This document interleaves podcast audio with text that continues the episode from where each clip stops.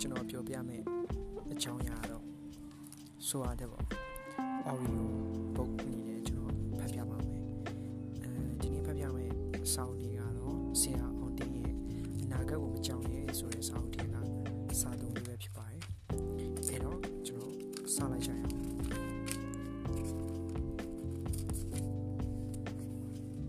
မြောက်လောင်ပုံနာကြီးတခါတော့ပုံနာကြီးတယောက်ကြီး မြတ်စွာဘုရားထံသို့ရောက်လာပြီးသူအသက်ဘလောက်တွင်တည်ရမည်တည်ပြီးနောက်ဘယ်ဘဝသို့ရောက်မည်နည်းဟောကြားပြီးရင်ရှောက်ထားတောင်းပန်လေတယ်မြတ်စွာဘုရားကလေမိတိအသက်ရွယ်တွင်တည်ပြီးတည်ပြီးရဲ့နောက်ဤမီတော်တော၌မြောက်ကြီးဖြစ်လိမ့်မယ်ဟုမိန့်တော်မူလိုက်တယ်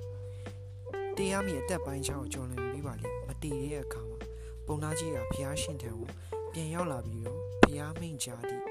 အတက်မှမတည်ပဲဘာကြောင့်လဲဆိုမှရှောက်ထားပြန်တယ်ဒီတော့ဘုရားရှင်ကအတင်ပုံနာ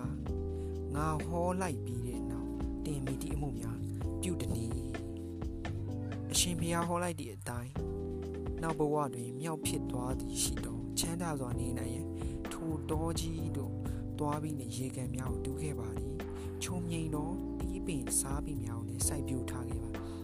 ယခုဆိုရင်ထိုတော်ကြီးမှာလွန်တာရလက်ကျင်းညက်တတော်အပေါင်းတို့ပြုံးဝဲရာတော်ကြီးအဖြစ်လို့ရောက်ရှိနေပါပြီဖះကိုရှောက်တင်နေအတင်ပုံနာတင်အခုတိုင်တင်အသက်ရှင်နေတယ်ရှိနေတာတင်ရဲ့ကုလိုကံကြောင့်မှတ်လို့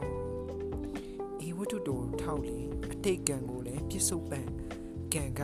ထိုက်တင်တဲ့လောက်ပြုပြင်နိုင်စွမ်းရှိရထင်ရှားပါတယ်အားလုံးပဲ ကျေးဇူးတင်ပါတယ်နောက်အဖြစ်ဆုံးမှာပြင်ပြီးတော့ဆုံတွေ့ကြပါစို့